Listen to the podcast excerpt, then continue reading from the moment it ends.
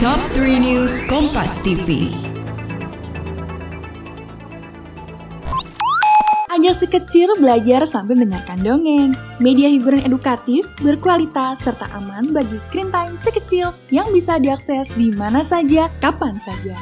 Yuk, dengarkan dongeng kalian orang tua, persembahan KG Media, hanya di Spotify.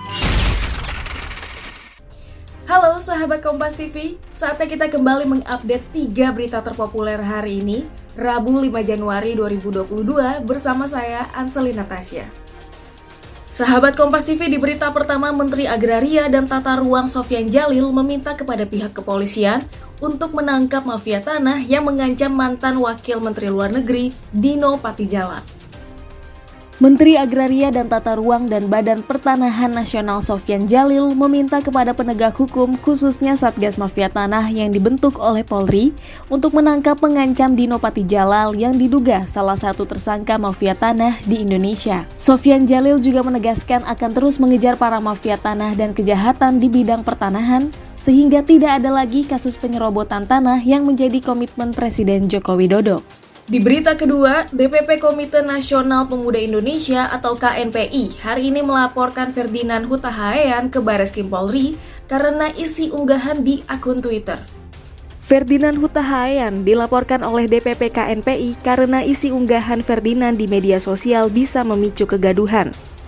Ferdinand dilaporkan terkait pasal tentang penodaan agama. Dalam laporannya, KNPI menyertakan tangkapan layar isi cuitan Ferdinand di Twitter.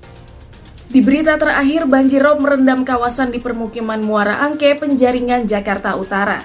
Banjir dengan ketinggian bervariasi mulai memasuki rumah warga sejak pagi tadi.